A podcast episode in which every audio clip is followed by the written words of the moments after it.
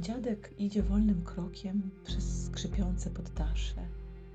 Zatrzymuje się przy gramofonie. Sięga po płytę, wyjmuje ją z kartonowej poszewki, wsuwa pod srebrną igłę.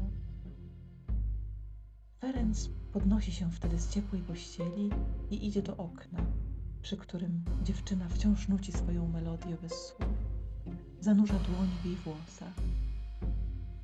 Feri. Dziewczyna przerywa piosenkę i szepcze jego imię, a on długimi palcami, długimi, bladymi palcami rozczesuje jej włosy w szeroką pięciolinię. Pięciolinia zamienia się w drogę, polną ścieżkę, w kamienisty gościniec, w chodnik wielkiego miasta. Mógłby nią iść każdy, ale dzisiaj staje na niej Faust. Ma na sobie czarny surdut śpiewaka i z góry wygląda jak półnuta. Lakierki stukają niecierpliwie w napięty papier. W powietrzu słychać jak muzycy stroją instrumenty, pociągają za struny, uderzają w klawisze, namaszczają smyczki czerwonawą żywicą.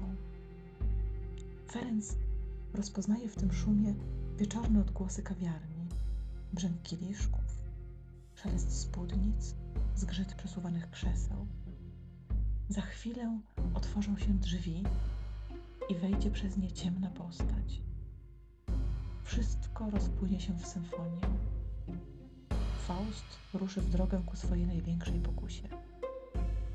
W tej samej chwili, na dalekiej pustyni, Jezus zaczyna odczuwać głód.